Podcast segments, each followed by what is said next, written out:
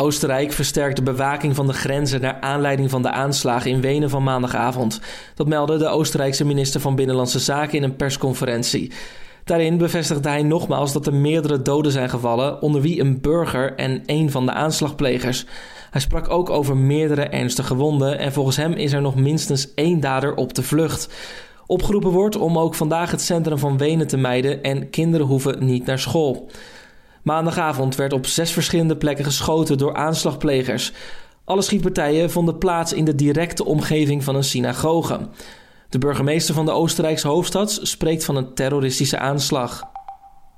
Vakbond, FNV en KLM hebben een akkoord bereikt over de loonoffers die grond- en cabinepersoneel zullen doen in ruil voor staatssteun aan de noodlijdende luchtvaartmaatschappij.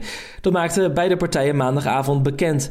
Minister Wopke Hoekstra van Financiën is tevreden en roept de piloten die vooralsnog dwars liggen op hetzelfde te doen. De loonoffers zijn nodig voordat KLM van Hoekstra de overheidssteun van in totaal 3,4 miljard euro krijgt. Zonder steun vanuit de overheid zal de vliegmaatschappij failliet gaan. Het Veiligheidsberaad pleit voor een algeheel vuurwerkverbod voorafgaand en tijdens de komende jaarwisseling.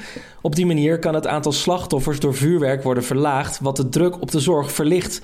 Volgens Hubert Bruls, voorzitter van het Veiligheidsberaad van de verschillende veiligheidsregio's, hebben huisartsen en ziekenhuizen het momenteel erg druk met alle coronapatiënten.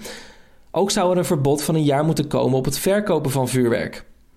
Of dit verbod er ook komt, is overigens niet aan het Veiligheidsberaad, maar aan het kabinet. Dat kan besluiten om de verkoop van het vuurwerk aan banden te leggen. Gemeentes kunnen wel individueel het afsteken van vuurwerk verbieden. Het vermogen van de rijkste Nederlanders is het afgelopen jaar opnieuw gegroeid, ondanks de coronacrisis.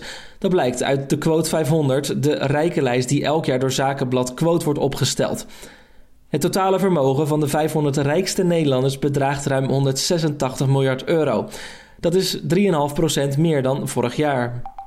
En dan het nieuws van de dag. Natuurlijk de Amerikaanse presidentsverkiezingen.